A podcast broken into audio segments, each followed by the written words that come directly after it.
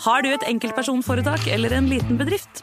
Da er du sikkert lei av å høre meg snakke om hvor enkelt det er å levere skattemeldingen med fiken, så vi eh, gir oss her. Fordi vi liker enkelt. Fiken superenkelt regnskap. Nyt sommerferien på Prime. I'm here to show you a wonderful place. Had a rough week. Opplev spennende turer. Så kan dette bli veldig farlig. Finn sommerkjærligheten. You're like a Coachella. Hi. Hi. Se på Fallout, Furia eller The Idea of You. Okie. Og gjør deg klar for en sommer full av eventyr. Bare på Prime. Krever abonnement på Prime Video. Hei, Morten. Hei hjem. Og hei til deg som eh, hører på. I eh, dag så har vi en eh, stor overraskelse til dere alle sammen. Det har vi, for vi har bestemt oss for å gi dere som hører på, en liten smakebit på hva man får med abonnement i Untold. Det er helt riktig, men hva er Untold, Morten? Jo, Untold det er en app der du kan høre en rekke podkaster, eh, flere titalls podkaster, helt uten reklame. Det er riktig, og ut mai måned så kan du derfor da høre episoder som du vanligvis kun hadde funnet i appen Untold. Ja, for eh, som Untold-kunde så får du nemlig en ny, reklamefri episode av Historiepodden andre verdenskrig hver eneste uke hele året. Ja, og i Untold så får du også ukentlige episoder av Henrettelsespodden og Historiepodden blant flere, samt også da miniserier som Gulltransporten og Historien om Henry Rinnan. Og apropos Historiepodden, Jim, så er det snart eh, 17. mai. Og i Historiepodden så vil man kunne høre episoden om torgslaget i Kristiania i forbindelse med nettopp eh, den datoen. Og det er en episode som alle bør få med seg. Jeg tenker det, og skulle du som hører på nå sitte igjen og tenke at du veldig gjerne vil høre en episode av Historiepodden andre verdenskrig hver eneste uke, så er da, som du helt sikkert skjønner, Untold en mulig løsning for deg. Det er helt riktig. Da går du inn på AppStore eller Google Playstore og laster ned Untold. Eller du går til untold.app i nettleseren for å starte ditt abonnement i dag. Ja, og har du ikke gjort dette før, Morten, så er det faktisk sånn da at du får hele første måneden helt gratis! Ja, eh, og det har skjedd. Og det kan skje igjen. Advarsel. I denne podkasten vil du høre historier basert på informasjon programlederne har funnet selv. Programlederne står ikke nødvendigvis inne for meninger og syn som fremstilles. Noen påstander kan avvike fra virkeligheten.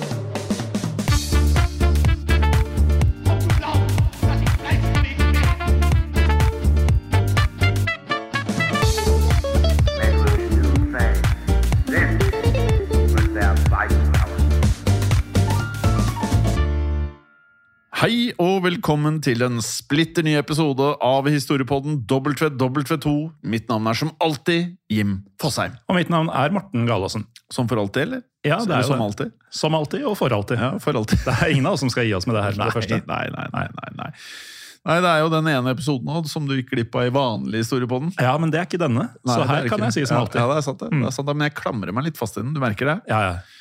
Og ikke minst, når vi har gangsterpodden sammen, Ja. så er jo jeg en av tre eller fire sidekicks du har hatt. Ja. Så der kan jeg i hvert fall ikke si at jeg har vært med alltid. Men du har skviset ut de andre, da. Ja, det har jeg. Ja. Og, og det skal jeg ha. Ja, det skal du ha. Eh, Det vi egentlig prøver å si eh, litt mellom linjene her, eh, kjære lytter, er jo at liker du denne podkasten, så kan det godt være at du også liker to andre podkaster som også kommer hver eneste uke.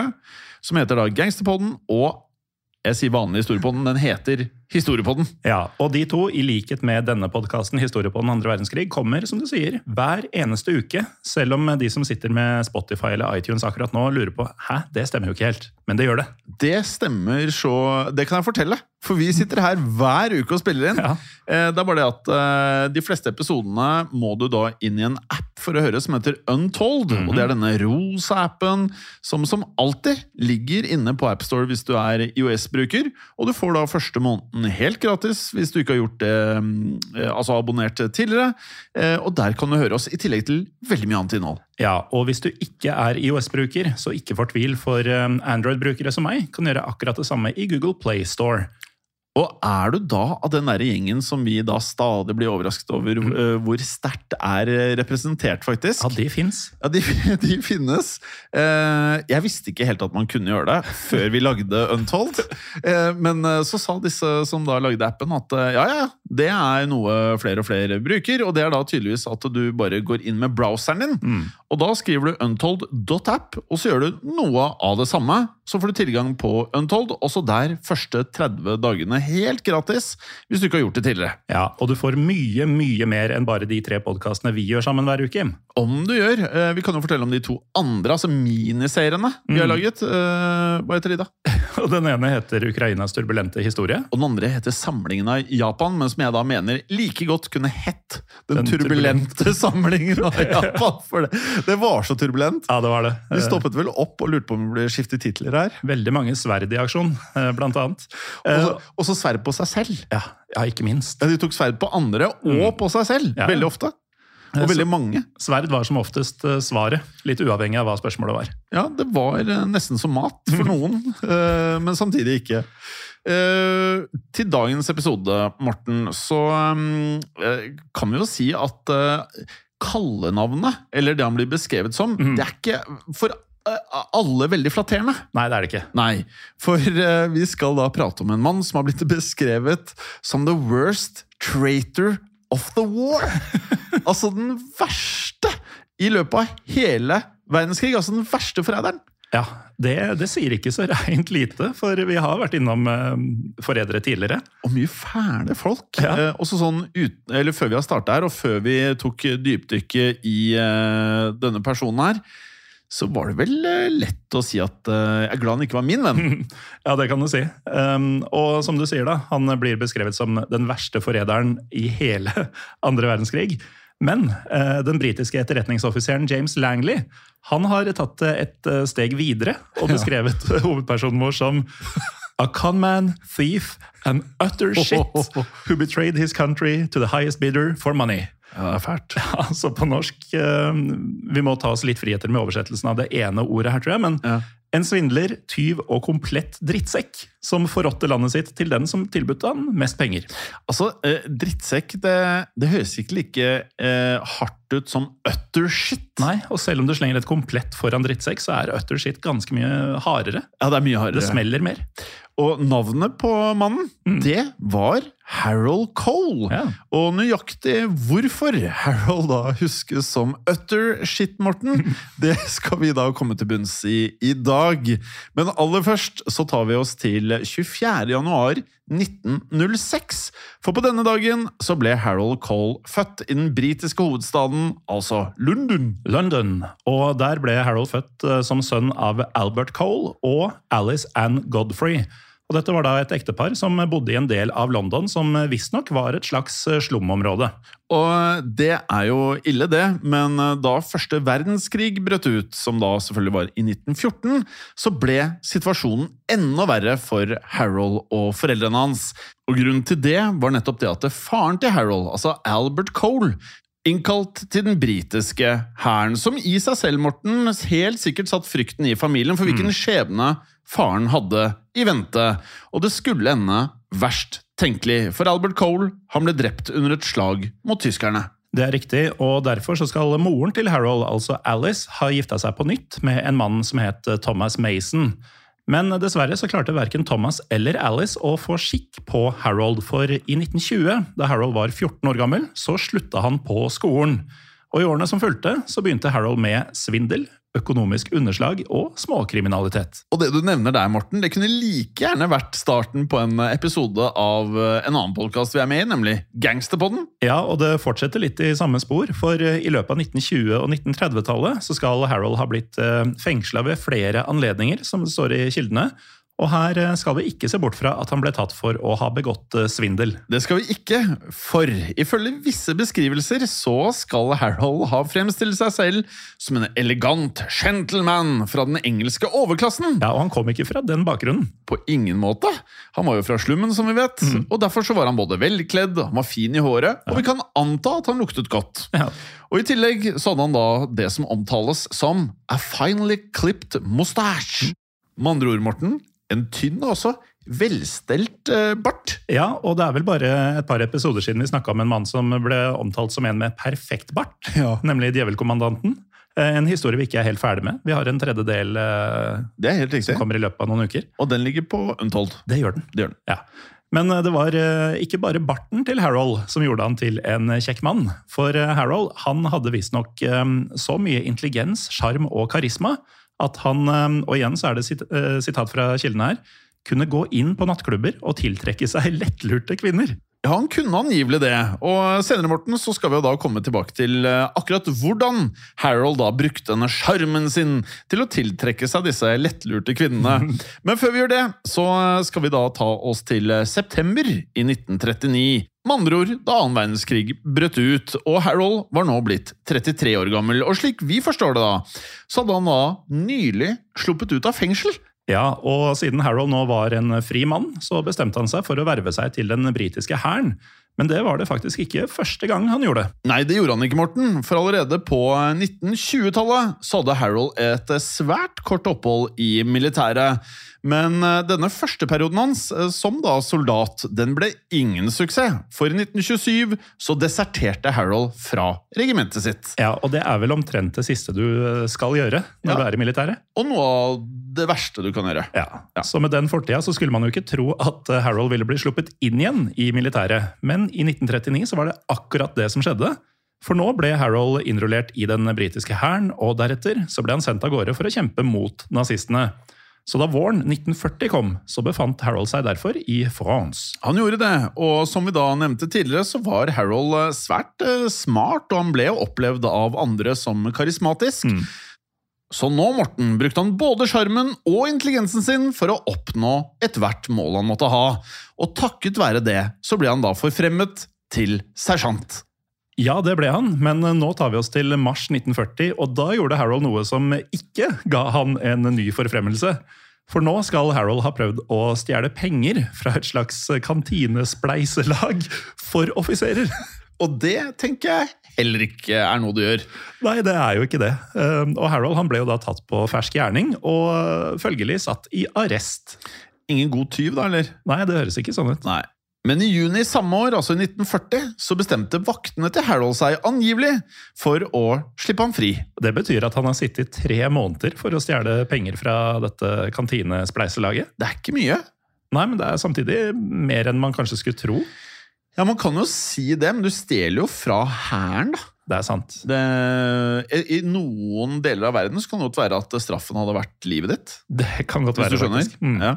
Eh, men i hvert fall, i eh, juni da, så var jo da Frankrike i ferd med å eh, bli erobret av nettopp nazistene. Og derfor så var både de britiske og også de franske styrkene på full retrett. Ja, og det forklarer kanskje hvorfor han ble sluppet fri, for det var kanskje ikke en prioritering å vokte fanger som hadde begått småtyveri. Det var vel det motsatte. Og med det så måtte Harold da klare seg helt alene. For eh, da britene trakk styrkene sine ut av Frankrike, så var ikke Harold blant soldatene som ble evakuert, og heller ikke prioritert. Og det eh, låter jo ikke optimalt å bli etterlatt på den måten. Jeg tror vi hadde taklet den situasjonen svært dårlig. Ja. Men i tida som fulgte, så fikk både Harold og andre etterlatte britiske soldater hjelp til å gjemme seg for nazistene. For nå var det mange franske sivile som ga britene både mat og husly, og snart så oppretta La Resistance flere hemmelige nettverk som smugla britiske soldater ut av det nå tyskokkuperte Frankrike. Og hva gjorde Harold? Jo, han opprettet snart et eh, slikt nettverk, han. For i løpet av samme sommeren, altså i 1940, så skal han da ha skaffet seg et eget nettverk av kontakter i byen Lille. Ja, men det gjorde han ikke under sitt eh, eget navn. For da Harold introduserte seg til noen av de lokale innbyggerne i Lill, så presenterte han seg som en britisk etterretningsoffiser ved navn Captain Delobel. Oi. Det er ganske langt unna Cole. Det er ganske langt unna, og høres eh, staselig ut. Ja da. Og eh, ikke var han kaptein heller, for så vidt. Eh, Men under dette dekknavnet så skal Harold ha møtt en rik fransk industrieier som het eh, Francois Dupré. Åh, og han skal også ha overtalt denne Duprés til å gi han eh, penger. Ja, og disse pengene de skulle så brukes til å hjelpe britiske soldater med å rømme tilbake til Storbritannia. Men Harold han kunne jo ikke organisere dette helt alene, så nå begynte han å planlegge sammen med en gruppe franske medhjelpere. Og disse medhjelperne de hadde et kvinnelig medlem, nemlig Jana Voglimac. Ja, det var eh, ikke helt på trynet. Janine eh, Voglimachi, kanskje? Ja. Eh, Og Janine hun eide en leilighet i Lill, som Harold fikk eh, bruke til å planlegge det han måtte ønske av arbeid. Så med tiden så ble nettopp denne leiligheten derfor brukt som et eh, slags skjulested da for nettopp britiske soldater. Ja, og etter hvert som ukene gikk, så skaffa Harold og medhjelperne hans falske ID-kort og reisedokumenter og klær som disse britene brukte til å rømme fra Frankrike. Så nå var Harold i ferd med å skaffe seg et godt rykte blant både britene og La Resistance. Men likevel, Morten, så var det noen av eh, medhjelperne til Harold som eh, ikke stolte noe spesielt på han. Nei, og vi vet jo at han ikke var helt til å stole på. Nei, vi vet jo det. Får bare høre på et aldri så lite sitat fra Maud Olga Badot de Jouville. Oh. Ja, eh, Som var en annen fransk kvinne som var blant eh, medhjelperne til eh, Harold. Ja, hør på det her. Harold lånte alltid penger eller tigget bensin. Han betalte aldri tilbake, og han snakka stygt om folk bak ryggen deres. Han hadde kvinner overalt, og han var alltid ute på vift med dem. Han høres ut som en skikkelig luring. Eh, og det gir vel ikke den beste beskrivelsen av det man ønsker å ha som en leder. Nei, det gjør jo ikke det, men eh, til tross for dette her da, så ble Harold oppfatta som effektiv. For eh, takket være arbeidet til Harold, så klarte stadig flere briter å rømme hjem til eh, Storbritannia, og derfor så fikk han bare mer og mer tillit hos La Resistance. Men nå, Morten, nå skal vi ta oss til eh, starten av året 1941.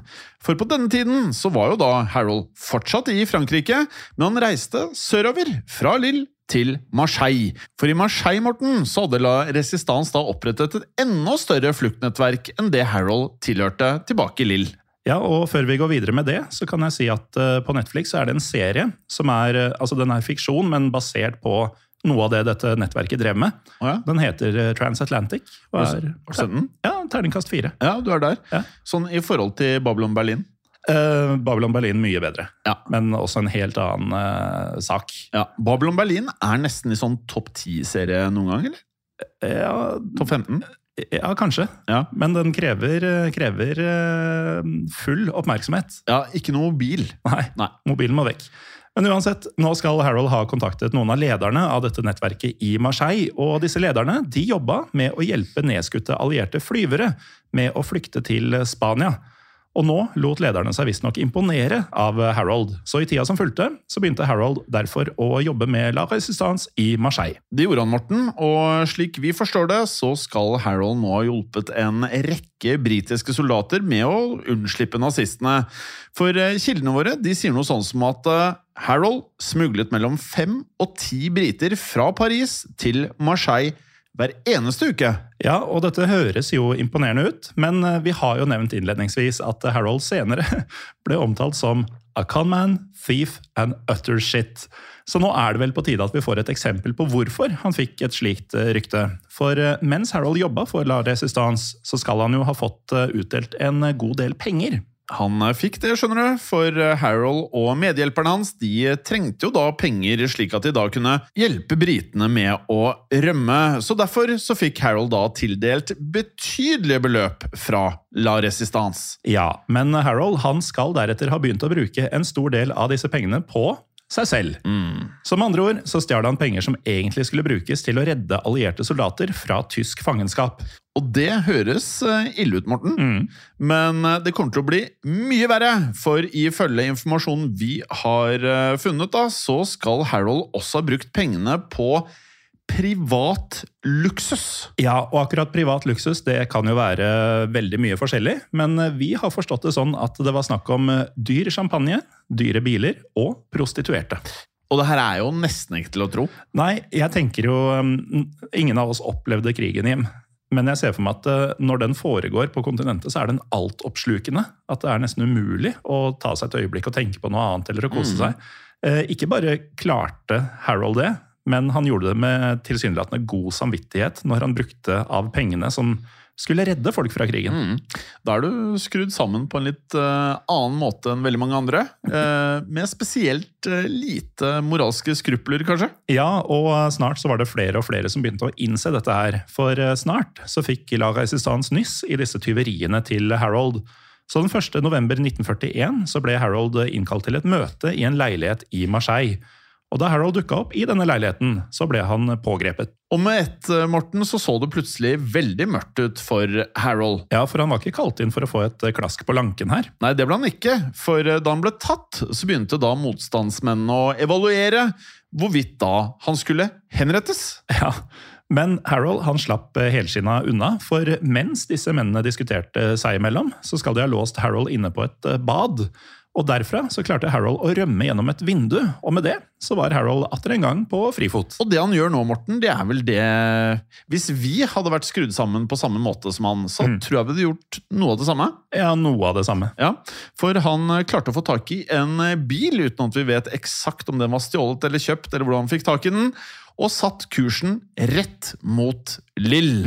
Og nå har livet til Harold virkelig forandret seg, Morten, for eh, før dette så hadde han jo en eh, felles fiende med La Resistance, Ja. som var da tyskerne, eller nazistene. Ja, Og da hadde han bare én fiende. Ja, Men nå hadde han to fiender, for både var nazistene ute etter han, og nå var La Resistance ute etter han. Og med det så hadde han et enormt behov for å gjemme seg. Og hva var bedre enn å da finne noen franske sivilister som ville da ta han inn? Ja, Han hadde ikke så mange andre å oppsøke, og i arbeidet med denne episoden så har vi gravd litt i britenes eh, National Archives. For der fins det flere dokumenter om Harold, og i ett av disse dokumentene så har vi funnet et uh, interessant uh, vitneutsagn. Det har vi, men uh, uheldigvis så er vi ikke helt sikre på navnet til dette vitnet.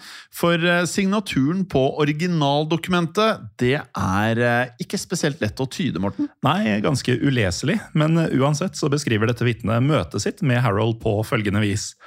Jeg tok imot han på det premisset at han var en britisk agent. Jeg ga han husly, siden han fortalte at han måtte gjemme seg for tyskerne. Mot slutten av oppholdet hans planla Cole å rane meg og søstrene mine. Han stakk av med smykkene, sølvet og juvelene våre. Av åpenbare årsaker kunne jeg ikke rapportere han til politiet. For en uh, forferdelig type. Ja, en utter shit. Eller på norsk, Morten, en komplett drittsekk. Ja, og en eh, fyr som man kanskje ikke ville invitert eh, inn i huset sitt, men eh, det var det mange som gjorde. For eh, nå tok Harold seg videre til Lill, og der skulle han nok en gang skaffe seg et eh, sted å bo. Men så, etter om lag en måneds tid på rømmen, så fikk han et nytt problem her. For den 6. desember 1941 så ble Harold pågrepet av nazistenes militære etterretningstjeneste, nemlig Abwehr. Og med det så befant Harold seg i en eh, ny knipe. Men vi har jo allerede nå lært oss å kjenne Harold litt, eh, Morten. Ja. Og eh, vi vet jo at han har en egen evne til å lure folk. Og han har jo denne sjarmen sin, da. ja, og han mangler disse skruplene. Ja, de var helt borte. Eh, og nå kom dette virkelig til uttrykk, om man ikke allerede føler at det har det. For Harold han gikk med på å samarbeide med nazistene. Mm. Og med det så forrådte han da alle de hemmelige kontaktene han noen gang hadde skaffet seg i Frankrike. Så nå ga Harold rikelig med informasjon til nettopp nazistene. Og ut ifra det vi har klart å finne av informasjon, Morten, så var det snakk om mye informasjon. Så mye at nazistene til slutt trykket opp 30 sider med rapporter. Ja, og på disse 30 sidene med tekst så sto visstnok navnet til et tosifra antall medlemmer av La Resistance. Så utter shit begynner nesten å egentlig ikke være beskrivende nok, syns jeg. Nei, i hvert fall når du veit at det kommer fra en brite, og deres eh, rike taleevne når det gjelder skjellsord. Og han har allerede stjålet fra alle han har møtt, omtrent. Og eh, bare utnyttet alle mennesker han kommer over. Og nå så skal han da gi navnet videre til nazistene. Ja, selger ut alle som har eh, hjulpet han, eller som han har kommet i kontakt med. Motsatt av helt. Ja, det kan man si. Eh, Så takket være Harold da, så gikk nazistene nå til verks med å pågripe nettopp disse menneskene som sto på disse 30 sidene. Og dessverre så ble flere av eh, kontaktene til Harold i La Resistance derfor eh, arrestert, torturert og også henretta. Og for dere lyttere så kan det kanskje nå virke som at Harold var passiv til det hele. Ja, At han bare leverte navnet, og så var han ferdig? Men det var han ikke. Nei. For han skal ved flere anledninger ha blitt med nazistene, altså fysisk, for å personlig identifisere da flere av personene som da ble arrestert, som han da hadde tystet på. Ja, eh, Og nå er det vel på sin plass eh, at man bruker ordet forræder om eh, Harold. Altså, det er ikke beskrivende nok. Nei. Nei, men vi kan godt starte med det. For eh, Harold han blir ikke noe mer sympatisk gjennom historien. For ifølge det som finnes av beskrivelser, så skal han også ha utvist det som da mm, ja, blir beskrevet som null. Null anger. Null anger. Ja. Og eh, slik det fremstår for oss, så ble Harold nå også sluppet fri av nazistene. Så han ble med andre ord belønna for eh, forræderiet sitt. Ja, det kan virke sånn, men eh, selv om Harold var en forræder av verste sort, Morten, så var det fortsatt ikke alle i La Resistance som var klar over dette. Nei. Og en av de personene som da ikke var klar over det, det var en 19-åring ved navn Suzanne Waringhem. Ja, og det navnet har vi slitt litt med, men det viser seg at eh, Suzanne hun var halvt eh, fransk og halvt engelsk. Så antagelig så er det noe sånn som Varenghem. Og eh, på dette tidspunktet da, så befant eh, Suzanne seg i Paris, der hun jobbet som en agent for den britiske etterretningstjenesten, altså Special Operations Executive, eh, som vi da bedre har blitt kjent med som. SOE. Ja, og i kraft av rollen som agent i SOE, så hadde Suzanne tidligere samarbeida tett med Harold. Noe som visstnok bidro til at hun ble Harold sin fremste assistent og elskerinne. For som vi allerede har etablert, så var Harold en sjarmerende type. Men nå, Morten, hadde jo da Harold forrådt både SOE og La Mm. Eh, så kanskje Suzanne burde ha sluttet å stole på ham. Ja, vi var jo inne på det i starten at han var flink med lettlurte kvinner. Han var det. For hun burde ha slutta å stole på han, men likevel så um, slutta hun ikke med det. Hun fortsatte å stole på han. For til tross for det som skal ha vært flere advarsler om at Harold ikke var til å stole på, så gjenopptok eh, Suzanne kontakten sin med Harold. Og deretter så skal Harold ha lurt Suzanne til å tro at han var en britisk dobbeltagent. Som andre ord så lurte da Harold Suzanne til å tro at han bare latet som at han da jobbet for nazistene, samtidig som han da egentlig jobbet for britene. Ja, nå begynner det å bli komplisert. Ja. Eh, Men det var ikke bare det, Jim. For den 10. april 1942 så skal Suzanne og Harold ha gifta Ja. seg i Paris. Og her ble vi litt overrasket. Ja, det ble vi. Og bare kort tid etter det så ble Suzanne gravid med barnet til Harold. Og dette var overraskende. Ja, Så Suzanne hun ble jo lurt eh, trill rundt av eh, Harold, som jo på ingen måte var den han uka seg for. Men hvis vi skal på en måte til hennes forsvar, da, Mm. så lurte Harold alle han møtte. Han gjorde jo det. Så han var åpenbart ekstremt god på å utgi seg for å være noe han ikke var. Mm. Eh, Og mens eh, Suzanne var gravid, så fortsatte Harold med forræderiet sitt. For nå skal Harold også ha lurt Suzanne til å oppgi navnene på forskjellige hemmelige SOE-nettverk. Ja, og Før vi går videre nå, husk at nazistene har sluppet fri Harold. Han er ikke nødt til å hjelpe dem lenger. Altså, han har ingen insentiv til å gjøre dette her, annet enn eh, å tenke på seg selv. Mm. Ja. Og eh, med det så ga Harold denne informasjonen til nazistene i bytte mot store mengder med penger. Ja, Og med det, Morten, så prater vi om en av eh, de minst eh, sympatiske personer vi vel noen gang har pratet om i denne podkasten. Tenk at vi kan si det etter så mange episoder om forferdelige nazister. Ja, for det som er ille her Vi har jo pratet om slaktere fra forskjellige steder. Altså mm. fæle folk. Men han her, han utgir seg for å være snill, og så er han Altså, han er en slange. For veldig mange av de andre fæle folka som vi har snakka om, de har i det minste hatt en eller annen ideologisk overbevisning om at de eh, på et eller annet vis gjør eh, det rette. eh, I hvert fall for sine, da. Ja, Og så har det på en måte spunnet litt ut av kontroll. Mm. Han her vet hva han driver med. Han gjør det kun av egeninteresse, alt sammen. Mm.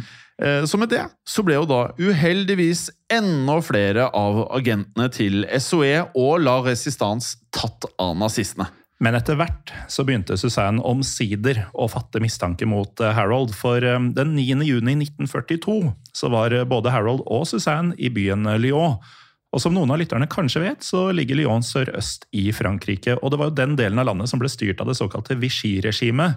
Altså den franske nazikollaboratørregjeringen som ble ledet av marskalk Philippe Pétain. Ja, og Vichy-regimet de gjorde jo generelt som nazistene befalte, men likevel så forsøkte Vichy-staten noen ganger å fremstille seg som uavhengig ved å da pågripe både tyske, men også allierte agenter.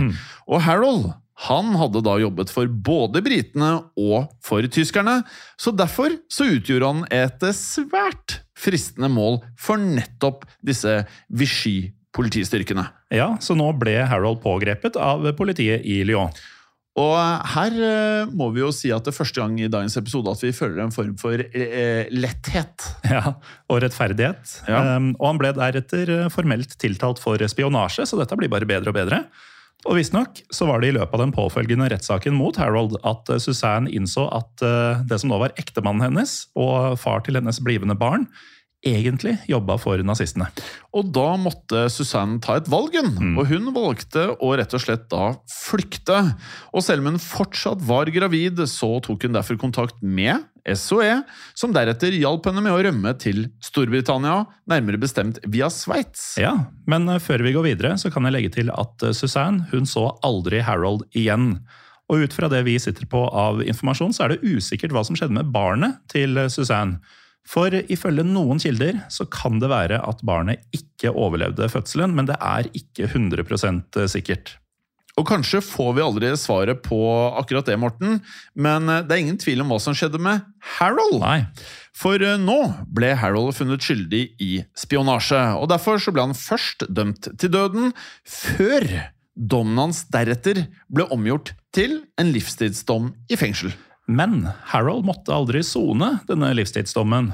For tidlig i 1944 så skal Harold ha blitt eh, løslatt, og det har vi ikke funnet en helt tydelig forklaring på grunnen til. Vi har ikke det, Morten, men det er jo åpenbart at det er et eller annet med Harold. Altså, han er som en sånn Han er en slange. En sleip slange. Ja, men han er også en slags katt, som Ja. stadig lander på beina og har ni liv og vel så det. Ja. Altså, han er katt og slange. Ja. Ja. En virvelløs katt. Ja, helt riktig. Men det vi vet, Morten, det er at Harold nå begynte å jobbe for Sturmbahnführer Hans Josef Kiefer. Han hørtes tysk ut, han. Ja, Han var tysk også, kan jeg fortelle. Og Hans Josef Kiefa han ledet da Paris-kontoret til SS sin etterretningstjeneste Sicherheitsdienst, også kjent som SD. Ja, og kanskje er det grunnen til at nazistene slapp Harold fri. eh, Nettopp sånn at han kunne jobbe for denne Kiefer. Nei, Det fremstår jo på ingen måte utenkelig, Morten, for i tiden som fulgte, så skal Harold ha jobbet tett med Kiefer og Sicherheitsdienst, noe som ikke gjorde at Harold ble ettersøkt av både La Resistance og britisk etterretning. Nei, de fikk eh, rett og slett ikke nyss i hva Harold drev med akkurat nå, og det skulle få konsekvenser. For i juni 1944 så gikk eh, allierte styrker i land i Normandie, og i august så rykka de allierte fram mot Paris. Så den eh, 17. august 1944 så bestemte Kiefer og en gruppe med SD-offiserer seg derfor for å flykte fra Paris. Og da disse tyskerne forlot byen, så skal Harold ha reist eh, sammen med dem.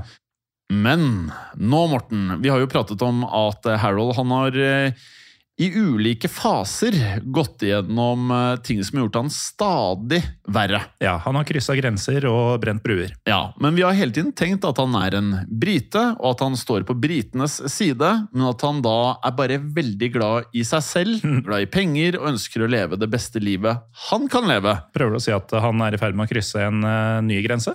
Det er akkurat det jeg prøver å si, for ikke bare reiste Harold sammen med nazistene, han skal også, og hør på dette, har kledd seg som nazistene. Ja, for da Harold dro fra Paris, så var han visstnok kledd i en tysk offiseruniform. Og jeg tenker at mye av det man har hørt, eh, det kan kanskje ikke forklares eller godtas, men det er i hvert fall ikke sånn at du har gått inn i en nazi-uniform. Det gjør han jo her. Og med denne uniformen på seg, så satte han av gårde mot uh, Tyskland. Og takket være denne Kiefer da, så fikk Harold slippe inn i Nazi-Tyskland. Så i månedene som fulgte Morten, så fikk Harold både kost og losji av nazistene. Men som lytterne vet, så gikk jo krigen eh, stadig dårligere for nazistene, og snart ble Tyskland invadert av de allierte. Og I april 1945 så var det jo enden nær for Hitler, så nå begynte Harold og Kiefer å se seg om etter fluktmuligheter. Og snart så klekka de ut en plan sammen, for nå skal Kiefer ha forkledd seg som en tysk politimann. Og deretter dro både Kiefer og Harold av gårde for å overgi seg til amerikanerne. Men Morten, Harold han planla ikke å ende opp i fangenskap. For nå latet Harold som at han da var en britisk agent som hadde sittet i tysk krigsfangenskap. Hva slags menneske er det der?! Nei, det er alltid meg selv først. Ja, øh, Og så er han Det virker som han var så god på det. Mm. Det kom Så- veldig naturlig. Ja, øh, Og etter alt å dømme da, så kjøpte da amerikanerne forklaringen til Harold. Ja, for da Kiefer og Harold overga seg til amerikanske styrker, så overbeviste Harold amerikanerne om at Kiefer ikke var en SS-offiser. Så takket være Harold så ble Kiefer løslatt etter bare et kort eh, avhør. Og igjen så bare føler jeg et lite behov her, Morten, for å oppsummere det Harold har gjort eh, så langt. For nå føler jeg at han enda en gang har krysset en grense. Ja, for nå har han jobba med Kiefer i lang tid, eh, og det er mange ofre pga. det allerede. Men denne planen har de klekka ut sammen Ja. for å redde hverandre. Ja. Så eh, han gikk da eh, Han startet med å selge informasjon til nazistene Mm. for å kjøpe sin egen frihet. Ja. Og så solgte han enda mer informasjon for å bli rik. Ja. Og så valgte han da å bli med til Tyskland for å leve et liv sammen med nazistene i Nazi-Tyskland. ja, og det virker som han og Kiefer eh, rett og slett har blitt gode venner på dette tidspunktet. Ja, det virker sånn. Og nå så skal da Harold eh, velge helt selv, og da lyve til de allierte, som da er hans eh, side av bordet, da, Ja, i utgangspunktet. for å da frigjøre en SS-offiser. Mm. Ja. Ja, så én helt- ting er hvis han har løyet om seg selv, nå lyver han jo på vegne av denne nazisten. Jeg er mer og mer om bord på denne utter shit-kommentaren. altså. Ja, altså, jeg tenkte Første gang vi leste det, så tenkte vi liksom sånn Ja, dette må være en forferdelig type. Mm. Men det, det er ikke dekkende nok. Det, er, det finnes fins ikke ord eller uttrykk til å dekke denne type oppførsel. Mm. Eh, men før vi går videre, så kan vi jo da også skyte inn at eh, Kiefer senere ble oppdaget av de allierte. Ja, Så en viss rettferdighet i det tilfellet, i hvert fall. Det kan du jo si, for eh, etter han eh, da hadde tilbrakt en periode i skjul, så ble han omsider pågrepet og også tiltalt for krigsforbrytelser. Så i 1947 så ble Kiefer dømt til døden og også henrettet. Ja, Men eh, tilbake til Harold, for eh, nå fikk Harold tildelt en ny uniform av amerikanerne. Og med denne uniformen så begynte han å tjenestegjøre i de allierte styrkene under et falsk alias. Det er nesten Ja, vi sier det for ofte. Jeg føler jeg sier det nesten hver episode. Det er nesten, det er det er nesten ikke til å tro. Nei, altså I det nettverket av allierte så må det jo være så mange som veit hvem dette er, og delvis hva han har gjort. Ja, det må jo være det. Mm. Uh, og nå vet vi jo ikke helt Morten, hva slags alias Harold faktisk benyttet seg av. Nei. Men det er likevel ikke vesentlig for historien, for eh, selv om Harold da hadde lurt amerikanerne, så fryktet han selvfølgelig fortsatt da at amerikanerne skulle oppdage hvem han da virkelig var. Så i tiden som fulgte, Morten, så skal han derfor ha desertert. Ja, Som man hadde gjort på 1920-tallet fra den britiske hæren. Ja, og vi sa jo at det å være en eh, desertør, det er jo ille. Men det er jo ingenting i forhold til det vi har pratet om her. Nei. Og med det så dro han av gårde til det kildene omtaler som en del av Tyskland, som var da under fransk okkupasjon. Ja, men Harold han hadde fortsatt på seg denne amerikanske militæruniformen. Så da han ble sett av franske soldater, så ble han rett og slett hilst velkommen. Han ble det, og som vi har nevnt flere ganger, så var Harold sjarmerende og svært karismatisk. Så nå lurte han franskmennene, nok en gang må vi vel kunne si, eh, til å tro da at han var en erfaren amerikansk etterretningsoffiser. Og med det så fikk Harold i oppgave å spore opp rømte nazister. Det er helt utrolig. Ja, Så etter å ha samarbeida med nazistene, så gikk Harold nå over til å jakte på nazistene. Snakk om å skifte sider. Ja. Altså, det er hele tiden. Jeg er svimmel, jeg nå. Det er som å ha, å ha sett en bordtenniskamp på nært hold. Ja, Det føles litt sånn, men dessverre da, så har vi ingen detaljerte skildringer av nøyaktig hvordan denne nazijakten til Harold faktisk foregikk? Nei, men vi har funnet én beskrivelse som sier at Harold samla en gruppe såkalte thugs, altså bøller, Ja. under sin personlige ledelse. Og så skal Harold og disse bøllene ha gått til verks med det som beskrives som maximum looting and brutality. Altså maksimal plyndring og brutalitet. Og her, Morten, så kan vi jo da legge til at eh, det var på et tidspunkt her slik at han personlig henrettet en SS-offiser. Eh, noe Harold angivelig gjorde uten å ha fått noen ordre om å gjøre dette. Ja, så Man skulle jo tro at en som eh, er i Harolds eh, situasjon her, da, eh, som egentlig bare har fiender til alle kanter, at du ville prøve å ligge lavt. Men det virker ikke som han gjør et forsøk på det i det hele tatt. Nei, det virker ikke som han er redd for å bli tatt. Det virker som han kanskje har blitt litt sånn Når jeg har unnsluppet så mye, at kanskje jeg aldri blir tatt uansett hva jeg gjør. Jeg er udødelig. Ja. Og sånn sett så var det kanskje ikke så overraskende at britene snart da kom på sporet av Harold. Endelig. For britene ønsket nå å straffe Harold for å ha desertert og også for å ha vært forræder. Så da andre verdenskrig tok slutt, så iverksatte både britene og franskmennene en storstilt jakt på Harold. Ja, og Harold han hadde jo denne tendensen til å innynde seg hos eh, det motsatte kjønn. Så mens krigen varte, så hadde han derfor hatt flere elskerinner i Paris. Og nå begynte britiske etterretningsagenter å overvåke to av disse tidligere elskerinnene hans. Og i løpet av sommeren i 1945 så fikk disse agentene napp. For nå skal Harold ha sendt et postkort til en av disse elskerinnene. Og på dette postkortet, Morten, så hadde han da ført opp adressen sin. Ja, Og det er litt annerledes hvordan man blir eh, funnet eh, på 40-tallet kontra i dag. Ja, det er helt annerledes. Og nå kan det være at eh, lytterne skjønner hvor dette bærer. For britene fikk jo selvfølgelig da tak i dette postkortet, og med det så fant de også ut hvor de da skulle finne Harold. Ja, og sånn vi forstår det, så var stedet som Harold hadde slått seg ned, et sted i Tyskland. Vi vet ikke helt hvor, men Og det føles jo ikke noe overraskende, det. Nei, det gjør jo ikke det. Men eh, dersom man velger å tro på visse beskrivelser, så hadde Harold virkelig melka denne falske identiteten sin som eh, amerikansk etterretningsoffiser. For mens han bodde i Tyskland, så skal Harold angivelig ha svindla til seg ikke mindre enn seks biler. 757 liter bensin. Altså, Vi har ikke fått vite byen han bor i, men vi vet nøyaktig på literen hvor mye bensin han har svindla seg til. 500 flasker vin!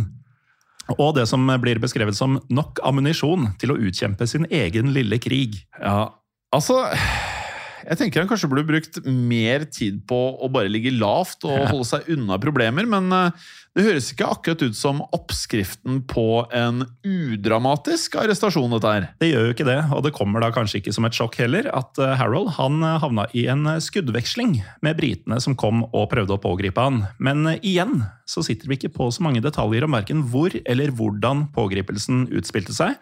For det eneste vi vet, Jim, det er at eh, Harold skal ha såra en britisk agent i beinet, før Harold deretter ble fanga og sendt til Paris. Og nå burde historien være over, Morten. Ja. Men uh, likevel så kommer det en ny vending. For som du nevnte, så ble Harold sendt til Paris. Og der ble han også fengslet. Men den 18. november 1945 så stjal han angivelig frakken og ID-papirene til en amerikansk sersjant. Det er Jeg vet ikke hvor vi skal Jeg vet ikke hva jeg skal reagere med. Nei, man blir uh, litt uh, perpleks. Ja. Eh, og med frakken og papirene, da, så skal han da nærmest ha spasert uhindret ut av dette fengselet. Ja, og uh, utrolig nok så skal Harold altså ha overbevist vaktene han passerte om at han var nettopp denne amerikanske sersjanten.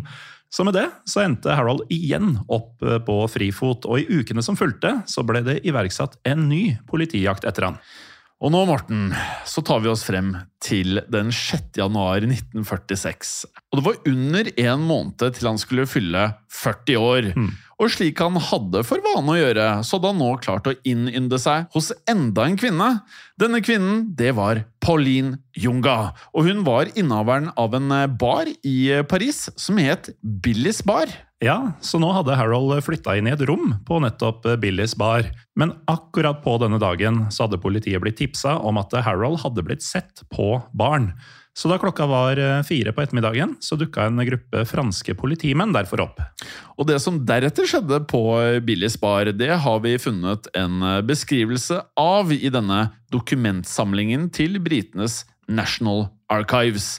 Og det utdraget som nå kommer, det ble da skrevet av det franske politiet i januar i 1946. Så nå er det bare å spisse ørene. Sammen med frøken Junga gikk inspektørene ovenpå til rommet som skulle undersøkes. Frøken Junga banket på og åpnet døren med nøkkelen sin. Hun sa 'det er politiet'. Da kastet individet på den andre siden av døren seg bakover. Han tok en revolver ut av lommen sin, og så skjøt han mot inspektør Coty, som ble såret av to skudd. Inspektør Coty skjøt tilbake umiddelbart. Og nå har nok dere lyttere forstått at mannen på den andre siden av døren, det var Harold.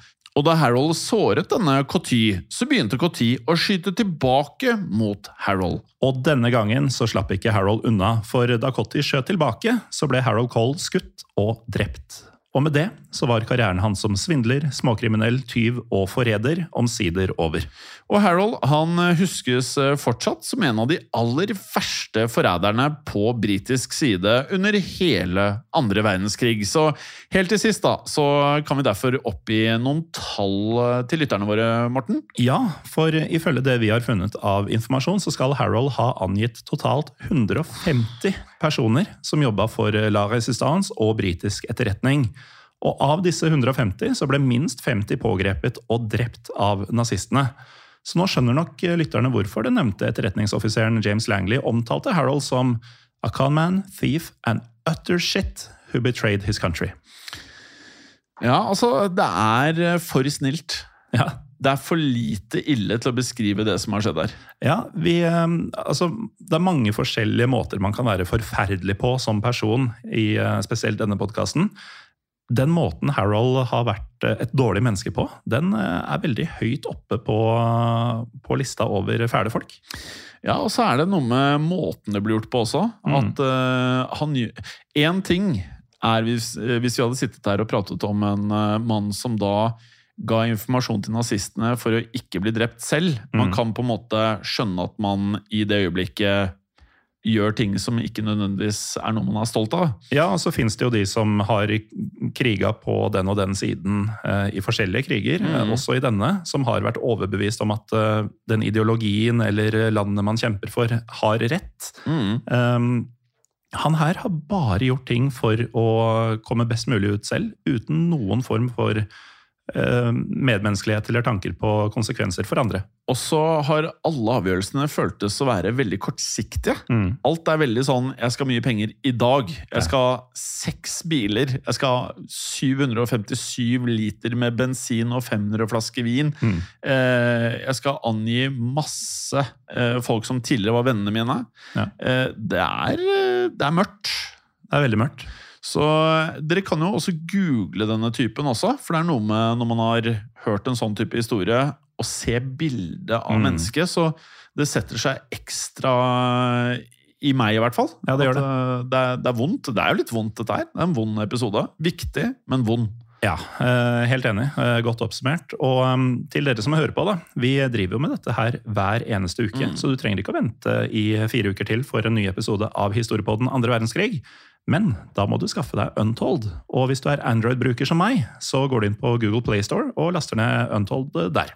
Ja, og er du IOS-bruker eh, slik som jeg er, så gjør du mer eller mindre det samme. Går inn på AppStore, skriver Untold, laster ned Untold-appen, som er veldig rosa og fin.